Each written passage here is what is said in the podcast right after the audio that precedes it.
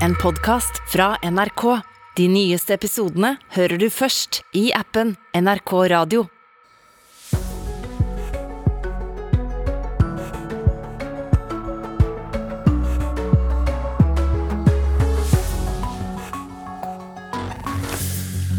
Vi tar oss friheter nå i påsken og starter opp eh, sendingen først eh, etter Dagsnytt eh, klokken sju. Men her er altså Nyhetsmorgen, og slik ser vi ut i dag. For første gang har vi i NRK en reporter i havnebyen Odesa sør i Ukraina. En av byene russerne ønsker å ta kontrollen på. Hvordan forbereder de seg der, skal du straks få høre mer om. Palmeoljespørsmålet er tilbake igjen. Rema vurderer unntak fra sin egen policy om å droppe palmeolje fra alle produkter. Og i flere uker har innbyggerne i Shanghai måttet leve med svært strenge koronarestriksjoner. Igjen. Hvordan har de det nå? Og nå som vi egentlig regner med pandemien er over, vi spør Shanghai-Heidi. Å ja, det er det hun kaller seg. Eh, Shanghai-Heidi. Eh, hele navnet får du etter hvert. Nyhetsmorgen i dag med Birger Kolsrud Jåsund. Ukrainske myndigheter hevder at eh, en russisk drone slapp giftig materiale over den beleirede byen Mariupol i går kveld. Påstandene er ikke bekreftet.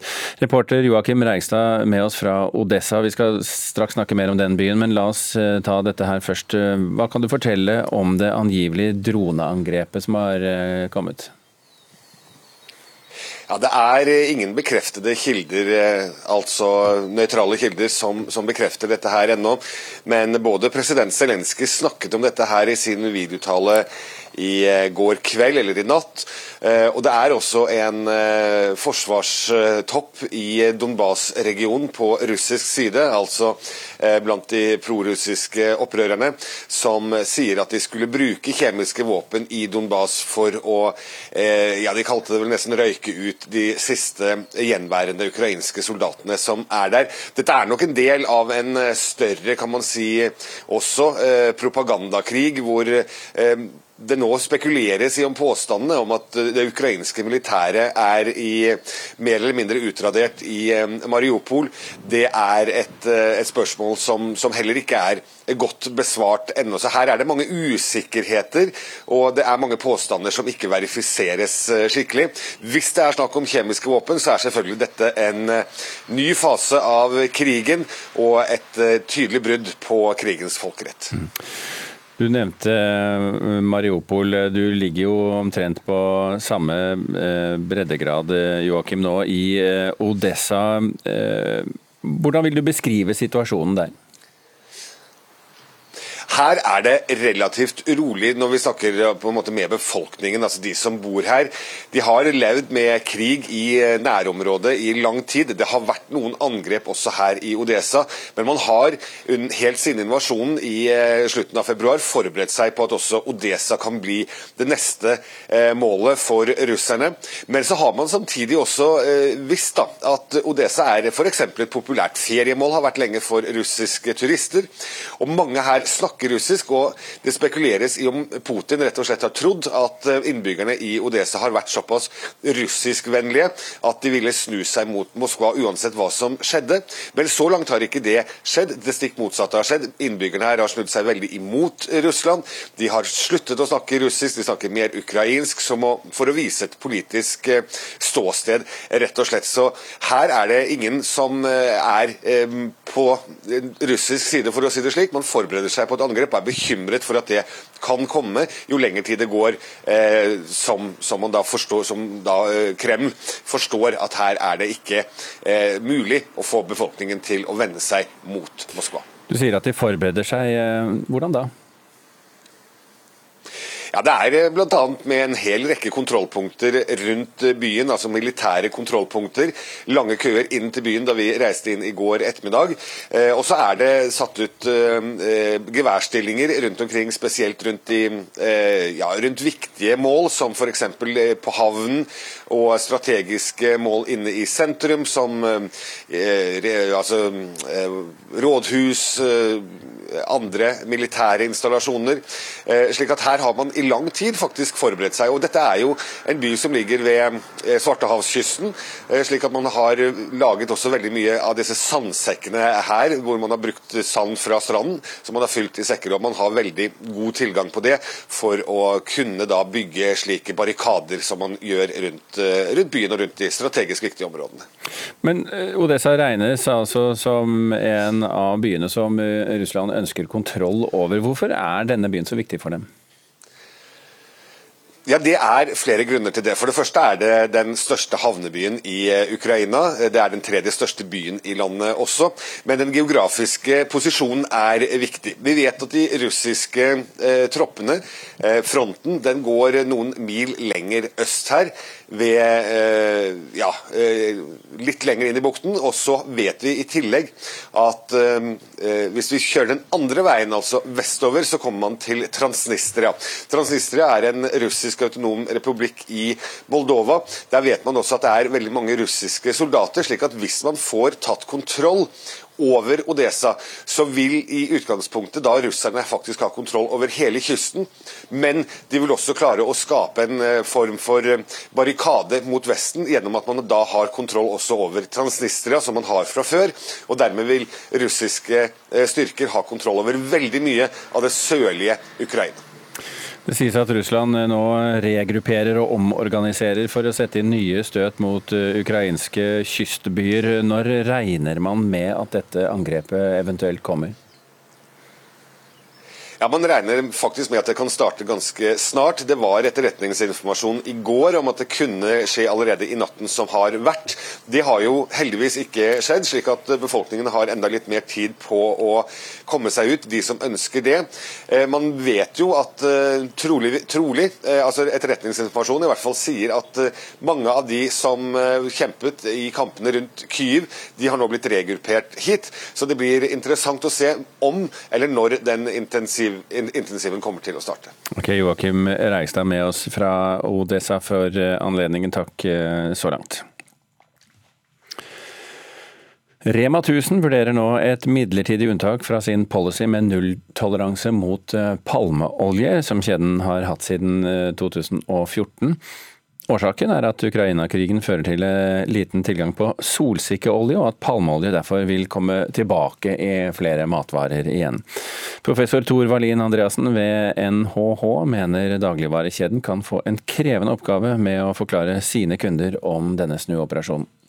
At ikke de blir hengende igjen med inntrykk av at ja, dere gjør dette eh, for å tjene penger. At da er du plutselig over en gråsone, og du blir rammet, altså. Solsikkeolje har erstatta palmeolje i mange matvarer som et sunnere og mer miljøvennlig alternativ. Palmeolja blir regna som dårligere både for helsa og miljøet. Ukraina-krigen gjør imidlertid at solsikkeolja er nærmest umulig å få tak i. Derfor vurderer merkevareselskaper som Orkla nå alternativer som olje fra palme og raps. Rema er matvarekjeden som først fjerna palmeolja fra egne merkevarer, men kjeden åpner likevel nå døra på gløtt. Dersom leverandører har behov for å benytte palmeolje som erstatning pga. Ukraina-krigen, vil vi kunne vurdere et midlertidig unntak fra vår policy i en begrenset periode. Sier kvalitetssjef Martina Rabsch i Rema. Kjeden vil kun akseptere palmeolje dersom det ikke finnes andre alternativer som kan brukes. Tor Valin Andreassen ved Norges handelshøyskole råder både Rema og produsentene om å være åpne og informere godt om hvilke varer som på nytt vil inneholde palmeolje, slik at kundene kan ta informerte valg. Produsentene, for å opprettholde tilliten til seg som leverandør, sitt merkenavn, sine, varer, må være åpne og transparente i sin dialog med kundene. Det er ingen tjent med å lure noen her ved å fortrenge noen ting. Åpenhet er mye bedre enn en lukkethet, altså og eh, det tjener alle på. Ærlighet eh, varer lengst fordi det er minst brukt. Orkla er den største leverandøren av merkevarer til norske dagligvarekjeder. Konserndirektør Håkon Mageli sier til NRK at han er helt enig med professoren, og sier at selskapet vil si tydelig fra hvilke produkter som midlertidig vil få palmeolje, og fra hvilket tidspunkt endringene skjer. Det er ikke klart i dag. Selskapet har en egen policy om at virksomheten ikke skal føre til avskoging. Men i Regnskogfondet sitter Solveig Firing Lunde likevel og er bekymra for konsekvensene av økt palmeoljebruk. Historisk har det ført til økt avskoging, noe som er dårlig både for klimaet og miljøet. Så vi mener det er veldig viktig at man ikke håndterer eh, krisen som følger av Ukraina-krigen, på en måte som forverrer andre kriser. Og vi har jo en pågående krise med ødeleggelse av regnskog. Reporter her det var Johan B. Settem og Eirik Eitrem. Da ønsker vi velkommen eh, til eh, Arne Bardalen eh, fra NIBIO, Norsk institutt for bioøkonomi. God morgen. Takk for det. Hvor sannsynlig er det at vi ikke får nok leveranser av mat?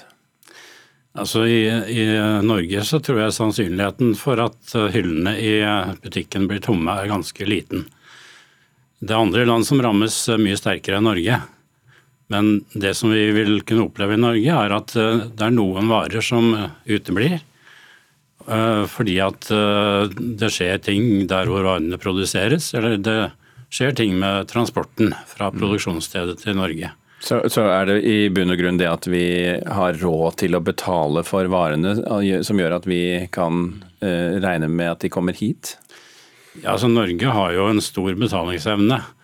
Det er jo I fattige land så er det jo slik at eh, befolkningen bruker eh, kanskje fra 50 til 80 av inntekten sin på mat. Mm. Og når matprisene da øker, så er det klart det har en enormt mye mer dramatisk virkning enn de prisøkningene som vi opplever i Norge.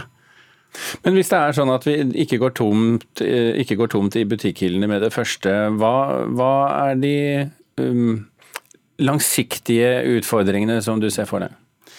Altså Det som har skjedd med pandemien, energikrisen, høyere gjødselpriser og nå krigen, det er jo en kraftig påminnelse om at vi må gå gjennom beredskapen vår. Og da må vi tenke langsiktig. For matsikkerhet og matproduksjon det er ikke noe som man slår av og på med en bryter.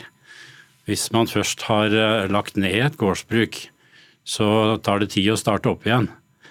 For det dreier seg om kompetanse, og det dreier seg om uh, infrastruktur, og det dreier seg om hele, hele landbrukssystemet. Så de varslene som vi har fått nå, bør få oss til å tenke langsiktig. Hva er det som påvirker matproduksjonen i verden, og hva bør vi gjøre i Norge for å gjøre oss mindre sårbare for det? Og den uh, matjorden som er bygget ned eller grodd igjen, den er jo ikke så lett tilgjengelig, kan man si? Nei, altså vi har jo lite jordbruksareal i Norge. 3% av landarealet er jordbruksareal. Og 1% av arealet er godt egnet til matkorndyrking fordi at det ligger i de beste klimasonene. Så det er en knapp ressurs, mm. og som har gått tapt i, i stort omfang i etterkrigstida. Så er det jo slik at denne akuttberedskapen er regnet til å koste noen hundre millioner å, å etablere, og rundt 50 millioner kroner i året å drifte. Det høres ut som en billig forsikring, er det det? Ja, jeg vil si at det er en billig forsikring. Norge bruker jo titalls milliarder årlig på det militære forsvaret. Og det gjør vi på tross av at vi i hvert fall hittil har både håpet og trodd at det er veldig lite sannsynlig at vi blir utsatt for et militært angrep. Eh, konsekvensene av et angrep mot Norge er så dramatiske at vi velger å bruke enorme summer på det militære forsvaret. Men konsekvensene av matmangel er jo minst like enorme for innbyggerne i Norge. Og da bør vi kanskje tenke slik at selv om sannsynligheten er liten, så er konsekvensene så alvorlige at vi må legge mer penger i å forsterke matvaresikkerheten. Du, snakker, du, nevnte jo det i stad, dette med kunnskap uh, som forsvinner når la, uh, jordbruk legges ned, og, og infrastrukturen. Betyr det er I forlengelsen av det du sier der, at eh, skal vi ha et aktivt og levedyktig landbruk, så må vi ha befolkning i hele landet også? Ja, altså det er jo det som Norge er jo et langt land. Og i en krisesituasjon så kan det også være slik at transporten innenlands blir vanskeligere. Og Da er det viktig at vi har landbruk i, i, hele landet som produserer og som kan levere mat til innbyggerne i, i alle landsdeler. Mm. Ok, Nils uh, Nei, Nils, det var i saken. Arne Bardalen i, i, i NIBIO, Norsk institutt for bioøkonomi. Takk for at du var med i Nyhetsmorgen.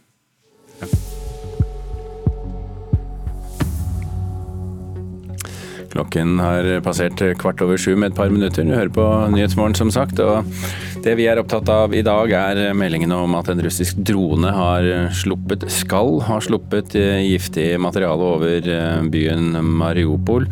Det kan være en del av en større propagandakrig, selvfølgelig. Vi har foreløpig dårlige kilder på det, sier vår reporter som er på plass i byen Odessa. Eh, meldingene om kjemiske våpen er på ingen måte bekreftet fra sikre kilder.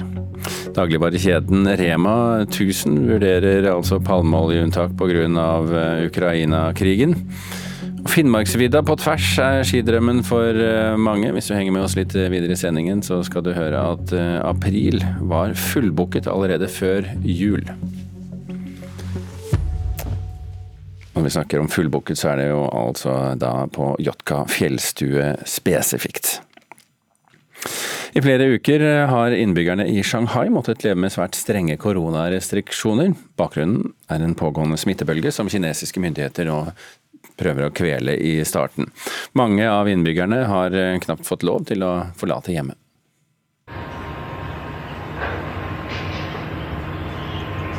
Dette her er lyden av en by med 26 millioner innbyggere. Hører du ikke noe, tenker du? Kanskje bare litt svak bydur og fuglekvitter? Det kan stemme. For i flere uker har Shanghai sine innbyggere måttet leve med svært strenge koronarestriksjoner. Kinesiske myndigheter har tviholdt på sin nullsmittestrategi og tydd til kraftige grep for å hindre smittespredning. Det vil si massetesting og portforbud. I byen er det registrert mer enn 70 000 smittetilfeller siden begynnelsen av mars. Og det er et av Kinas største smitteutbrudd av korona siden viruset begynte å spre seg fra Wuhan i slutten av 2019. Alle som er smittet i Kina må til et sykehus eller et karanteneanlegg. Karantenesentrene blir satt opp i treningssentre og utstillingshaller i Shanghai, men er allerede nesten fulle. I helgen ble det jobbet på spreng med å sette opp nok en slik hall.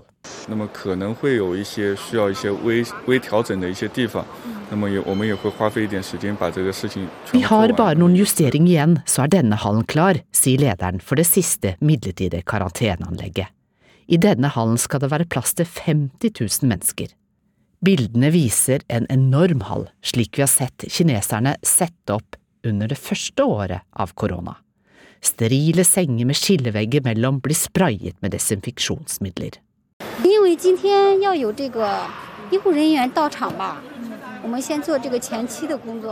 Medisinsk personell kommer inn i dag, så nå bare fullfører vi vaskingen, sier en av de frivillige til kinesisk TV. Hun er glad for å kunne bidra i kampen mot pandemien. Og samtidig kan hun nå glede seg over at myndighetene varsler litt lettelser i deler av byen. Vanja Strøden som hadde laget denne reportasjen. Og da sier vi, i hvert fall for vår del, god morgen til Shanghai, Heidi. Hei, god morgen Norge. Ettermiddag her i Shanghai. Ettermiddag i Shanghai. Heidi Berg er jo ditt egentlige navn. Jeg syns det var morsomt at du kaller deg Shanghai, Heidi. Du eh, har jo bodd i Shanghai i flere år, eh, sittet innestengt i eget hjem. Eh, hvordan går det med deg og de andre innestengte? Ja, jeg, jeg, er vel en av eh, de heldige som, eh, som både hadde handla godt inn. Jeg fikk jo beskjed om at jeg skulle ha eh, lockdown her i fire dager. Men når man vet hvordan ting fungerer her og hvordan policyen har vært, så, så handla jeg inn mye mer enn for fire dager. Eh, så, så jeg, har det, jeg, har det, helt fint. Og i mitt eh, hva skal man si, eh, compound, eller liksom tilsvarende et sameie hjemme da, med boenheten, så, så, har det ikke vært noe smitte. Så, så, det gjør at stemningen akkurat her er, er god. Men mm. selvfølgelig så kjenner jeg jo mange som er i en mye vanskeligere situasjon. Men hva med de som bare handlet for fire dager, da? Ja, det er, det er, nok vanskelig. Eh, det har vært utdeling av mat eh, fra myndighetene, men, men det er åpenbart at det er store forskjeller basert på hvor du, hvor du bor. Så jeg har i tillegg til at jeg handla godt inn, så har jeg faktisk fått tre ganger levert grønnsaker og kjøtt, og til og med tysk melk eh, på døra. Så, så her har det også vært bra. Vanligvis så er det jo ikke noe problem å bestille ting på nettet her i, i Kina, men, men, problemet er jo at det er ikke noe Transporten, transport, den last mile-biten med de som skal levere, de er jo også i karantene. Mm. Og det er jo det som er problemet. Vi, vi, oppfatter jo ofte kinesere som veldig lovlydige, som gjør det myndighetene gir dem beskjed om. Har det vært reaksjoner like fullt? Eh, det er, det er, mye reaksjoner på, uh, på sosiale medier. Uh, jeg har også sett videoer hvor, hvor, folk går ut i hva skal man si, igjen da, i bakgården, ikke ut i gatene. Uh, der, der, slipper man ikke ut. Men, men det, har vært, det, har vært, ganske høylytte protester. Og da er det jo særlig med det med, med tilgangen på mat. Mm. man har jo her tatt hele koronaviruset veldig seriøst og, og satt pris på myndighetenes policy, som jo faktisk har gjort at vi de to siste årene har, har levd veldig fritt. Eh, men eh, men nå når man ikke får mat, så er situasjonen helt annen. Hvordan er situasjonen når man f.eks. logger seg på tidlig i morgenen for å, for å få seg mat i leiligheten? Ja, det er, det er, jo noen tjenester som fortsatt fungerer. Eh, hvis de legger ut hva skal man si, det nye vareutvalget klokka fem på morgenen, så forsvinner det etter få sekunder. Så, så, folk står opp eh, midt på natta for å sitte klar med telefonen og, og prøver å putte ting i handlekurven for å, for å få handla inn. Eh, det har, det har liksom utvikla seg en, en, litt bedre organisering av det ved at uh, type nabolag går sammen og, og handler sammen i, i mer sånn bulk, som, som, da fordeles når de kommer, kommer til Eh, de her boligblokkene, som, som, jo gjør at kapasiteten er bedre på leveranse. Men, men det, det, er jo omikronviruset omikron-viruset som ligger bak, en sånn slags undervariant av omikron, så vidt jeg forstår. Eh, hva skjer med de som faktisk blir smittet? Ja, og Det er jo det som, som mange av oss syns er veldig merkelig. For, for alle statistikken og alt det vi hører, alle jeg kjenner som har blitt smitta her, det er jo asymptomatisk. En lett forkjølelse. Eh, så man skulle jo tro man skulle kunne eh, sitte hjemme innelåst og, og eh, bli, bli, frisk og smittefri. Men alle blir altså sendt til de her gigantiske sentralkarantenene som, som bygges. Og det er ingen ja, Nå hører jeg noen som ikke har blitt sendt ennå, og det er rett og slett fordi det ikke er kapasitet. Så de sitter på en måte bare hjemme og venter på at, at noen skal banke på døra og hente dem. Heidi Berg, eh, eh, også kjent som Shanghai. Heidi, med oss fra Shanghai. Takk for at du var med i Nyhetsmorgen. Det er en viktig dag eh, i norsk politikk i dag, programleder i Politisk kvarter, Astrid Randen. Ja, det er det, for i dag blir en ny forsvarsminister utnevnt etter at Odd Roger Enoksen varsla at han ville gå i helga etter at det blei avslørt at han hadde hatt et eh, upassende seksuelt forhold til ei ung jente forrige gang han var statsråd. Så hvem skal ta av jobben? Ja, det skulle jeg veldig gjerne likt å fortelle, men du, det veit jeg rett og slett ikke. Kanskje får vi vite det før uh, klokka 14 da Støre etter planen skal komme ut eh, på Slottsplassen. Jeg må bare jobbe for å forsøke å finne det ut. Men uh, enn så lenge så skal Politisk kvarter i dag handle om noen av de utfordringene den nye forsvarsministeren kommer til å møte. Som for eksempel? Ja, altså Noe av det aller siste som Enoksen gjorde på si vakt, det var å legge fram ei avtale mellom USA og Norge om utplassering av eh, både amerikanske våpen og soldater på norsk jord. Ei avtale SV er sterkt kritiske til, og mener et brudd på den norske basepolitikken. Altså at vi ikke skal ha baser med utenlandske soldater på norsk jord. Den nye forsvarsministeren eh, får som jobb å lose denne avtalen gjennom i Stortinget. Politisk kvarter kvart på åtte. Nå til Finnmarksvidda, eh, som mange går på tvers på ski.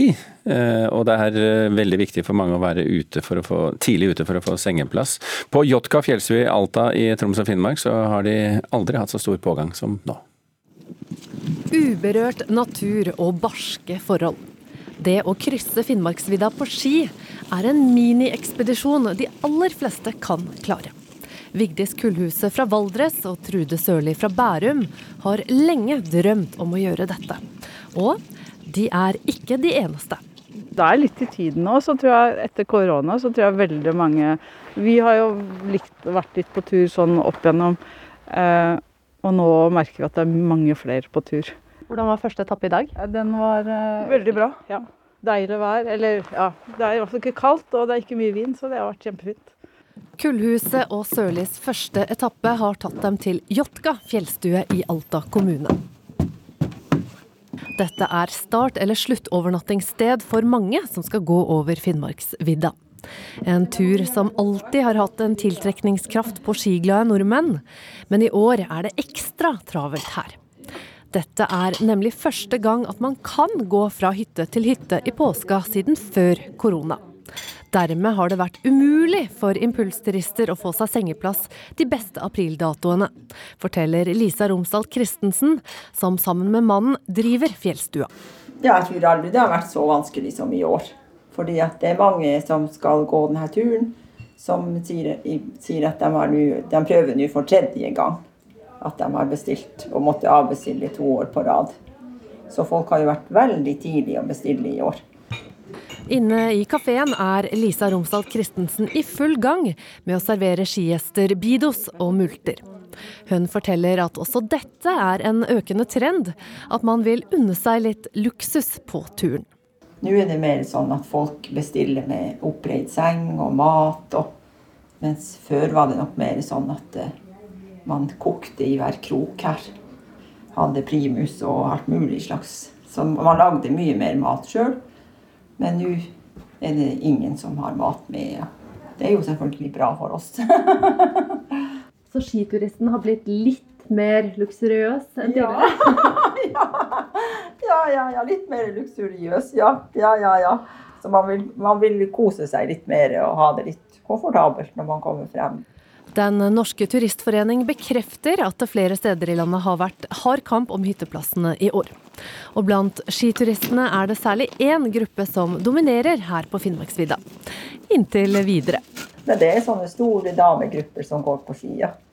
Så det er jo noen som sier at hvis guttene hadde visst hvor mange damer som går over vidda, så hadde det blitt flere av dem òg. For Vigdis Kullhuset og Trude Sørli gjenstår tre dagsmarsjer av Finnmarkseventyret. Gleder dere dere? Ja, veldig. Spent og gleder meg. Ja. Vi har jo ikke gjort dette før. Vi har vært på eh, sånn korte vinterturer, liksom. Men eh, her, dette er litt mer, så det, det er spennende. Reporter Gyda Hesla. Nå er det Dagsnytt. Eh, Jon Branes er klar. Ukrainas president vil ha flere våpen til Mariupol. Palmeolje kan komme tilbake i maten pga. krigen. Et midlertidig unntak fra vår policy i en begrenset periode. Og Bodø-Glimt får ikke ha med treneren på kamp. Det virker helt urimelig. God morgen fra NRK Dagsnytt klokka 7.30, hvor vi begynner i Ukraina. Over 10 000 sivile har mista livet i Mariupol, hevder ordføreren i byen, som frykter tallet kan stige til det dobbelte. Ukrainas president Volodymyr Zelenskyj ber om mer våpen til å forsvare den beleirede havnebyen. Reporter Joakim Reikstad, du er i Odessa, 600 km vest for Mariupol, i den andre enden av Ukrainas svartehavskyst. Hva vet du om situasjonen i Mariupol i dag? Det er en, eh, fortsatt en eh, alvorlig situasjon i Mariupol, men det er veldig mye usikkerhet knyttet til de meldingene som har kommet, bl.a. om at eh, den ukrainske hæren der skal være nærmest utradert. Dette har flere eh, talspersoner for den ukrainske hæren og for de ukrainske myndighetene tilbakevist det siste halve døgnet. Men det er slik også da at etterretningsinformasjon tilsier at man nå forbereder seg på et nytt slag om Mariupol fordi at russerne fortsatt har det som ambisjon å få kontroll over denne viktige havnebyen. Odessa, Odessa der du er, Joakim, er jo også en viktig havneby. Hva er det som gjør den viktig? Ja, Det er flere ting. For det første så ligger jo denne byen veldig tett på eh, resten av Europa. Den har eh, Ja, det er noen mil, så er man inne i den eh, autonome russiske republikken Transnistria, som ligger i Moldova. Der vet man at det er russiske styrker til stede. Og så er det ikke så veldig langt heller vest, østover til man kommer til den russiske militære fronten, hvor de har stoppet litt utenfor Mykolajev, som er en annen by på kysten her. Så det er, det er, slik at Hvis russerne okkuperer denne byen og får kontroll over den, så kontrollerer de ikke bare hele Svartehavskysten, men de har også da fri passasje fra kysten og opp til Transnistria, hvor de har styrker. Hvordan forholder folk i Odesa seg til denne trusselen? De har jo lenge trodd at Odesa var neste mål, men så har det jo da vist seg at det ikke har skjedd. Slik at skuldrene har kanskje senket seg noe i perioder av denne krigen. Men nå vet man at med en økt innsats fra de russiske styrkene i øst og sør, så er igjen eh, Odesa et eh, naturlig mål for russerne å kikke imot. slik at her forbereder man seg med sandsekker rundt viktige bygninger, man bygger geværstillinger, og man har veldig mange kontrollpunkter inn og ut av Odesa, slik at alle som kommer inn eller reiser ut, blir kontrollert nøye. Takk skal du ha, Joakim Reigstad i Odesa. Palmeolje kan komme tilbake i flere matvarer i norske butikker. De siste åra er gjerne solsikkeolje brukt som en mer miljøvennlig ingrediens i mat, men krigen i Ukraina gjør solsikkeolje vanskelig å få tak i, og derfor vurderer Rema 1000 unntak fra sin nulltoleranse mot palmeolje. Professor Tor Wallin Andreassen ved Norges handelshøyskole mener kjeden må være ærlig om hvorfor de snur. At ikke de blir hengende igjen med inntrykk av at ja, dere gjør dette eh, for å tjene penger. At Da er du plutselig over en gråsone, og du blir rammet. altså. Solsikkeolje har erstatta palmeolje i mange matvarer som et sunnere og mer miljøvennlig alternativ. Palmeolja blir regna som dårligere både for helsa og miljøet. Ukraina-krigen gjør imidlertid at solsikkeolja er nærmest umulig å få tak i. Derfor vurderer merkevareselskaper som Orkla nå alternativer som olje fra palme og raps. Rema er matvarekjeden som først fjerna palmeolja fra egne merkevarer. Men kjeden åpner likevel nå døra på gløtt. Dersom leverandører har behov for å benytte palmeolje som erstatning pga. Ukraina-krigen, vil vi kunne vurdere et midlertidig unntak fra vår policy i en begrenset periode. Sier kvalitetssjef Martina Rabsch i Rema. Kjeden vil kun akseptere palmeolje dersom det ikke finnes andre alternativer som kan brukes. Tor Wallin Andreassen ved Norges handelshøyskole råder både Rema og produsentene om å være åpne og informere godt om hvilke varer som på nytt vil inneholde palmeolje, slik at kundene kan ta informerte valg. Det som det handler om her ved slutten av dagen, det er at man er åpen i sin dialog med kunden, og gjør det da at de kan ha fått altså si, informerte valg. Og Da er det fordi at ærlighet varer lengst, fordi det er minst brukt. Orkla er den største leverandøren av merkevarer til norske dagligvarekjeder. Konserndirektør Håkon Mageli sier til NRK at han er helt enig med professoren, og sier at selskapet vil si tydelig fra hvilke produkter som midlertidig vil få palmeolje, og fra hvilket tidspunkt endringene skjer. Det er ikke klart i dag. Reportere her Johan B. Settem og Eirik Eitreheim. Flere tusen nordmenn feilmedisineres hvert år. Løsninga er kanskje enklere enn man skulle tro. Leger, sykepleiere og farmasøyter må rett og slett snakke sammen. Feilmedisinering skal jo ikke foregå. Likevel utsettes flere tusen nordmenn for feilmedisinering hvert år. Vigdis Abrahamsen Grøndal er professor i sykepleie ved Høgskolen i Østfold, og har sett hvilke konsekvenser det kan få. Det er et problem for det mennesket som utsettes for feilmedisinering. Det kan få alvorlige konsekvenser, i verste fall føre til død. Ida Eliassen og Line Bach jobber som sykepleiere, og blir ofte usikre på om medisinene pasienten skal få faktisk er riktig, fordi kommunikasjonen med lege og farmasøyt er for dårlig. Det er jo en ubehagelig situasjon for oss som sykepleiere. F.eks. hvis det gjelder smertelindring, så ser vi jo at det er et reelt behov at pasienten trenger den medisinen raskt. Og hvis legene da ikke gir oss den beskjeden om hvilke medisiner og dosering de skal ha, så kan vi heller ikke gi det. Feilmedisinering og dårlig legemiddelhåndtering er ikke bare en utfordring i Norge. I samarbeid med 13 andre europeiske land har Høgskolen i Østfold forsket på hvordan man kan sikre tryggere legemiddelhåndtering, og resultatene er klare. Leger, sykepleiere og farmasøyter må snakke sammen. Det virker såre enkelt, men er det egentlig det? På en måte så er det så enkelt, men det er jo så vanskelig òg, da. Altså Utdanningene kjenner ikke hverandres kompetanseområde godt nok. Det må bli like vanlig som alt annet samarbeid, da. At man setter seg ned og diskuterer pasientene og bruk av medikamenter. Da var den grei. Reporter her var Ingrid Kalin Lauritzen. 26 millioner mennesker i Kinas største by Shanghai har levd med svært strenge koronarestriksjoner i flere uker. Folk må holde seg innendørs i egne leiligheter, og det er knapphet på vann og på matvarer. Norske Heidi Berg bor i Shanghai og er en av de som sitter innestengt i eget hjem. Jeg er vel en av eh, de heldige som, eh, som både hadde handla godt inn. Jeg fikk jo beskjed om at jeg skulle ha eh, lockdown her i fire dager. Men når man vet hvordan ting fungerer her og hvordan policyen har vært, så, så handla jeg inn eh, mye mer enn for fire dager. Eh, så, så jeg, har det, jeg, har det, helt fint. Og i mitt eh, hva skal man si, compound, eller liksom tilsvarende et sameie hjemme da, med boenheten, så, så, har det ikke vært noe smitte. Eh, så, så, det gjør at stemningen akkurat her er, er god. Men mm. selvfølgelig så kjenner jeg jo mange som er i en mye vanskeligere situasjon. Så til fotball, for eh, i dag leverer Bodø-Glimt anke etter at trener Kjetil Knutsen er blitt utestengt av Det europeiske fotballforbundet.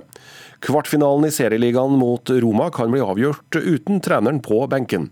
Etter at lagene møttes i forrige uke, støtter Knutsen sammen med en av Romas assisterende trenere, og derfor får ingen av dem være med på returkampen på torsdag. Og daglig leder Frode Thomassen i Bodø-Glimt er opprørt. Det at man nå kommer ut med en sanksjon før kampen, før vi i det hele tatt har fått lov til å redegjøre for saksforløpet. Det at man har gått inn i saken og studert det materialet, det virker helt urimelig. Jeg syns det virker som en veldig mm, hard beslutning. Strengt er den klare dommen fra fotballekspert Karl Erik Torp. Han synes avgjørelsen om å utestenge Kjetil Knutsen er feil. Likevel mener han Glimt burde sett dette komme etter at konfrontasjonen mellom han og Romas keepertrener Nuno Santos ble kjent. Selv om noen agger til i situasjonen og starter en krangel. Så hvis man følger opp eh, selv etterpå, noe Kjetil Knutsen har innrømmet at han har gjort, han har forsvart seg selv, så er jo det også en, en aggresjon som de åpenbart slår ned på. Knutsen skal ha lagt keepertreneren i bakken og hadde dette å si etter kampen forrige torsdag. Det er en assistenttrener som oppfører seg eh, rett og slett som en tulling. NRKs sportskommentator Jan Petter Saltvedt mener Glimt-treneren opptrådte riktig i situasjonen, og han tror anken til Glimt når gjennom. Det er ingen som så langt har sagt at hans versjon ikke stemmer. Skulle anken derimot bli avvist, sier Torp at Roma har lykkes i det han mistenker er planlagt spill for å sette ut Knutsen og hans mannskap. De har terget og irritert og, og, tenkt at her kan vi få en fordel. Det er et stort tap for Bodø-Glimt, som skal spille sin viktigste kamp noensinne. Den viktigste kampen noensinne for Bodø-Glimt kan du høre direkte i NRK Sport skjærtorsdag kveld. Reporter her var Edvin Strømme. NRK Dagsnytt eh, var, der hadde Anne Skårseth ansvaret, og Jon Branes en annen mitt.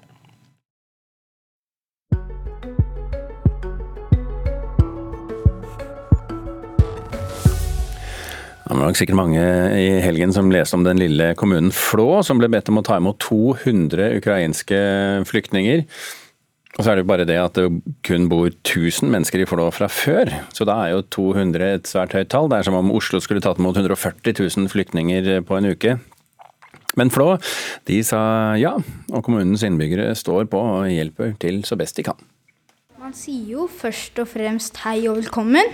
Og da, hvis vi går ut, da, så kan vi jo spørre alltid om, eh, henne, om de har lyst til å være med og leke.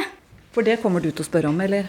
Ja, Jan Christian Reiersgaard er ni år og ekte flåværing. Han var umiddelbart klar for å ta ansvaret. Jeg er det På ukrainsk så er det ja. Så hvis vi liksom sier uh, det, vi skal, uh, det vi heter, ja. så sier vi ja, Jan Christian. Det er meg. Han mener det viktigste flåværingene kan gjøre, er å kommunisere og vise hjerterom. Vi får vel bare prøve å lære litt mer ukrainsk, og kanskje lære dem litt engelsk og norsk. Ja. Så får vi liksom kommunisere. Hvordan tror du det er å flykte fra et land i krig? Da blir vi jo redde når det er krig. Ser du mye på TV? Ja. Jeg ser på både Supernytt og nyhetene om kveldene. Men han var ikke den eneste. Idrettslaget, Pensjonistforeninga, hotellsjefen, kokkene på hotellet, ja alle ville hjelpe. Så dette her er uh, ukrainsk uh, suppe som heter borsj. Oi! Mm. We made this because of the Ukrainians come, so we made specially for them. And as long as they are happy about the food and how we take care about them, it's they are more happy. They not think about what was happened. So we try to do the best. Hva har dere vært og henta nå? Eh, nå har vi henta skolesekker, eh, matbokser og drikkeflasker til barna som skal begynne på skolen snart. Presten Kjell Bjørka mener at ukrainerne ikke bare kan sitte og glo i hotellveggen. Han har starta musikktime to ganger i uka. Spotify er hans nye venn.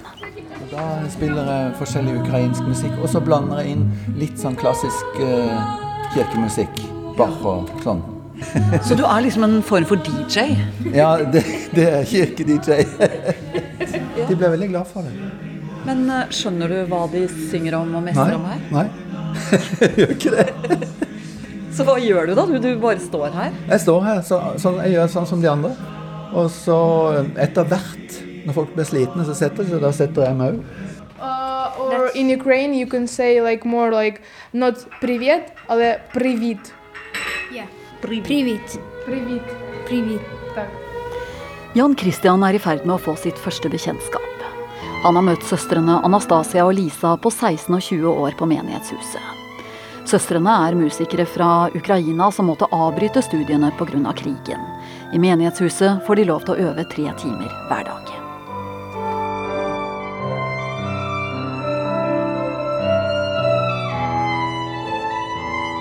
They gave us uh, a room, a house to practice in it, mm. and we're very grateful. We're very happy that we can like practice. Mm. Because you have to practice. Of course, every day, every day we need to practice. Yes. Mm. Påsken blir ikke som andre påsker i den lille fjellbygda Flå. Nå er de 200 flere, og et brennende engasjement har våkna. For selv om de bare er 1000 innbyggere fra før, fins det ingen grenser for hva man kan klare dersom hjerterommet er stort nok. Oh, Floor is like so peaceful. It's, there are lots of like kindest people, and we are like so thankful, so grateful for that. That we have like a clean and peaceful sky under our heads. Reporter var Karoline Bekkelund Hauge. Klokken er straks kvart på åtte, så det er straks eh, Politisk kvarter. Det eneste som gjenstår før Astrid Randen kan overta mikrofonen, er at du får en liten nyhetsoppdatering.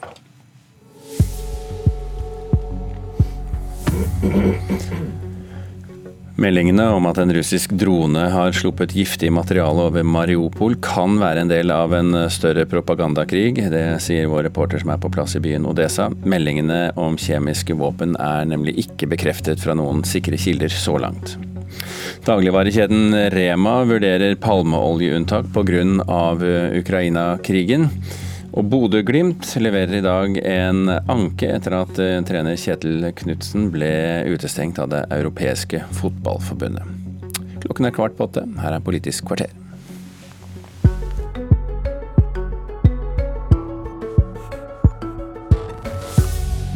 I dag blir ny forsvarsminister utnevnt etter at Odd Roger Enoksen måtte gå av. Det siste han gjorde, var å legge fram ei avtale om amerikanske styrker og våpen på norsk jord.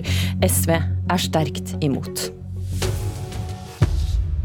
På fredag la forsvarsminister Odd Roger Enoksen fram ei stortingsmelding og ei avtale med USA. Ei avtale om at amerikanske soldater og våpen skal kunne plasseres fire ulike steder i Norge. På Sola, Ramsund, Evenes og Rygge. Den nye forsvarsministeren, som eh, blir utpeika eh, seinere i dag, eh, må lose denne avtalen gjennom i Stortinget. Og Ingrid Fiskå, forsvarspolitisk talsperson i SV, det er skeptiske til denne nye avtalen. Hvorfor det? Dette er en avtale som gir USA råderett på norsk jord. Det vil være eh, USA som har siste ordet, og det vil ikke være norsk lov som gjelder på disse basene. Så eh, det er jo òg logisk, med tanke på at det er USA som har bedt om disse basene. Eh, og det er en avtale som ligner på de USA har med 80 andre land rundt omkring i verden. Mm, du sier at USA får råderett på norsk jord. Hva betyr det i praksis? Det betyr at det er USA som har eh, jurisdiksjon på disse basene. Og eh, dessverre òg eh, mulighet til å utøve jurisdiksjon, altså myndighetsutøvelse utover disse basene, dersom det tjener deres tjenstlige behov, som de kaller det. Militære tjenstlige behov. Og Det betyr òg at dersom amerikanske soldater utøver vold eller voldtekt mot norske borgere, så vil det være USA som har rett til å rettsforfølge eh, disse, eller la være, eh, og ikke det norske rettssystemet. Veit vi noe altså De skal også kunne lagre våpen eh, der. Veit får vi vite hva for våpen de faktisk kommer til å ha der? Vi får ikke vite det hvis USA ikke ønsker å dele den informasjonen med oss. USA kan nekte oss innsyn, dvs. Si at vi vil ikke kunne vite sikkert hva slags eh, styrker som oppholder seg der, hva slags våpen som er der, og f.eks. om de har fanger på disse områdene. Det var ingen fra Arbeiderpartiet eller Senterpartiet som kunne eller ville komme til Politisk kvarter i dag for å forsvare denne avtalen, men vi er veldig glad for at du er Christian Tybing-Gjedde, forsvarspolitisk talsperson i Frp. Hvorfor trenger vi denne avtalen som Høyre SV er så skeptisk til? Man ser utviklingen nå i forbindelse med Ukraina-krigen, eh, at krigen kommer nærmere også Norge. Det har til nå vært en akademisk diskusjon som Rødt og SV har eh, holdt på med i Stortinget. Men nå er det alvor. Eh, amerikanerne er villige til å komme til Norge i større grad enn de har vært til nå. Det burde vi være veldig takknemlige, takknemlige for.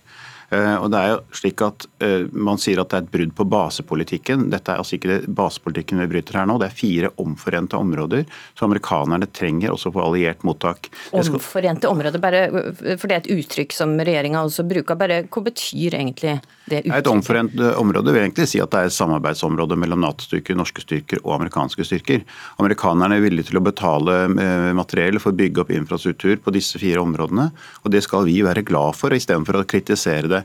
Dette er jo noe som en samme praksis som Norge gjør når vi er i utenlandsoppdrag. Da er det ikke eh, landet vi er i, så jurisdiksjon som gjelder, men det er en Nato-avtale fra 1951 som sikrer at Nato-landene eh, kan forholde seg til egne lands eh, jurisdiksjon. Så det er ikke noe spesielt over denne avtalen, det er bare at det går utover i gåseøynene Norge. Så vi bør heller lese det høres ikke så veldig omforent ut da, hvis vi ikke får vite engang hvordan våpen de er lagra der, om de ikke vil det sjøl at vi skal vite det? Det har vi en egen avtale med USA på. Det er ikke atomvåpen lagret på norsk jord. Eh, at amerikanerne ikke vil gå ut i, mediene og fortelle hva de har lagret, det er jo helt selvsagt. Eh, hvis man skulle gjort det på baser rundt omkring, skal man sette seg selv i risiko. Jeg tror de fleste forstår dette, istedenfor å tro at amerikanerne prøver å lure oss. Mm. Ingrid Fiskå, ei avtale om forsvarssamarbeid mellom Norge og USA vil legge til rette for at USA kan yte raskere og bedre militær forsterkning av Norge. Det skrev regjeringa i ei pressemelding eh, fredag. Dette er vi vel interessert i i de tidene vi er i nå?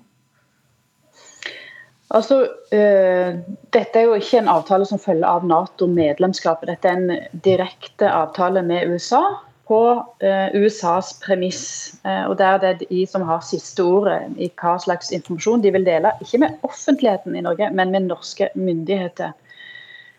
og det å ha forhåndslagring av våpen på norsk jord og gode system for eh, mottak av allierte styrker, Nato-styrker, det er en litt annen debatt. Men dette er snakk om eh, USAs egne baser, tilsvarende det som de har et stort nettverk av rundt omkring i verden.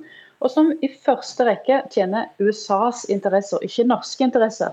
Fordi Norge vi har et, eh, en interesse av å Eh, i større grad ta mer ansvar sjøl. Og vi må i det minste ha jurisdiksjon, full jurisdiksjon på norsk jord. Råderett på norsk jord. Du mener rett og slett at vi må gjøre oss mindre avhengig av amerikanerne? Vi trenger å styrke den egne norske forsvarsevnen, sånn at vi er mer i stand til å kunne forsvare oss sjøl enn det vi er i dag. Dessverre så har utviklinga over flere tiår nå gått i retning av at vi skal gjøre oss mer avhengige. Det er en kortsiktig politikk. Og jeg vil minne om at vi ikke vet hvem det er som styrer i USA om et par år. Så hva de tenker eh, og hvordan de har tenkt å bruke de, norsk, de områdene på norsk jord da, det vet vi ikke. Du mener rett og slett vi trenger større amerikansk nærvær på norsk jord enn det regjeringa legger opp til? Ja, I likhet med de aller fleste nordmenn så, så uh, mener jeg det. Finland og Sverige vurderer å gå inn i Nato. Skal Norge da være et slags nordisk land som skal eh, kjempe alene mot uh, eventuelt russisk invasjon? Det, det, sier seg selv at det vil være en umulighet. Og jeg minner om at bare for å lagre ammunisjon og innsatsmaterialer som går inn i norske våpen før 30 dager, som er det som amerikanerne skal komme for å passe på oss, Eh, så koster det 28 milliarder kroner. kroner. 28 milliarder kroner, og vi har ikke engang eh, ammunisjon tilstrekkelig for å forsvare oss i 30, 30 dager. Det sier seg at selv, selv, om du skal bruke veldig veldig mye penger på forsvar, det, mer enn vi gjør i dag, og det vil også Fremskrittspartiet, så vil det ikke være i nærheten av å kunne ha tilstrekkelig forsvar til å bekjempe en, en invasjonsstyrke fra Russland. Det tror jeg også Fiske er fullstendig klar over, men da er det sånn gamle anti-USA-holdninger som ligger i bunnen i SV, kanskje ikke hos Fiske men enkelte andre i SV, og ikke minst Rødt, som, som gjør seg gjeldende også i denne saken. og Det synes jeg er veldig trist, for dette er mye mer alvorlig enn å drive en kollokviegruppe i SV. Fisker.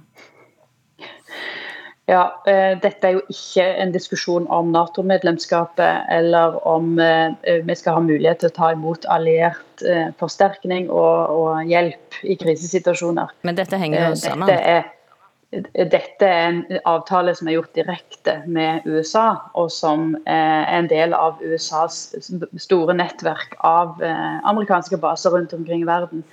Eh, så klart vi trenger allierte. Vi skal ikke eh, måtte stå alene i enhver situasjon. Men dette handler om hvem det er som skal ha råderett på norsk jord. Hvem skal ha siste ordet i rettsforfølging i tilfelle eh, overgrep blir, gjort mot norske eh, borgere? Hvem er det som skal ha innsyn i hva som foregår på disse basene? Det må være Norge og ikke USA. La oss da ta det tenkte scenarioet. At en amerikansk soldat gjør noe eh, han eller hun ikke burde gjøre. Eh, og da står Norge helt uten en oppfølging av den situasjonen. Ja, Det er korrekt, på lik linje som det er hvis en norsk soldat gjøre det samme når vi er ute og kjemper ute. Jeg er ikke bekymret for det. Altså, USA er et demokrati, og jeg vil anta at den som gjør et sånt overgrep mot en norsk borger, sannsynligvis får større straff i USA enn jeg får i, i, i Norge. Så dette er ikke en bekymring som Eh, som jeg deler. Dessuten vil også norske myndigheter, norsk politi, være involvert i en sånn eh, etterforskning. Men jeg lengter nå etter SVs nye alternative budsjett. eller Vi skal samarbeide med regjeringen, så vidt jeg har skjønt. Det er jo grunnlaget for regjeringen med SV. og Da kan vi se på det forsvarsbudsjettet som legges frem. og Da håper jeg at HV-soldatene kan øke fra 40 000 til kanskje 60 eller 80 000. Jeg håper på luftvern over de sentrale områdene. Jeg håper en større bevilgning fra SV, og det blir interessant å se. Ja, Vi får vente og se om det kommer noe mer penger fra SV i deres alternative budsjett. Og takk av for debatten her, Christian Tybing-Gjedde fra eh, og Ingrid Fiskå fra SV. Abonner på Politisk kvarter som podkast, og få sendingen rett til din mobil. Klokka 14 i dag blir altså en ny forsvarsminister utnevnt. Og bakgrunnssjekken som politisk leding foretar seg, har vært debattert de siste dagene. Men hva med sikkerhetsklareringa? Statsråder er unntatt sikkerhetsklarering, og nå mener ansvarlig redaktør for fagmediet Forsvarets forum, Stian Eisentreger, at vi trenger en diskusjon om hvordan dette unntaket blir praktisert. Bakgrunnen er altså at forsvarsminister Odd Roger Enoksen måtte gå av etter at det ble kjent at han hadde et upassende seksuelt forhold til ei ung kvinne da han var minister i 2007.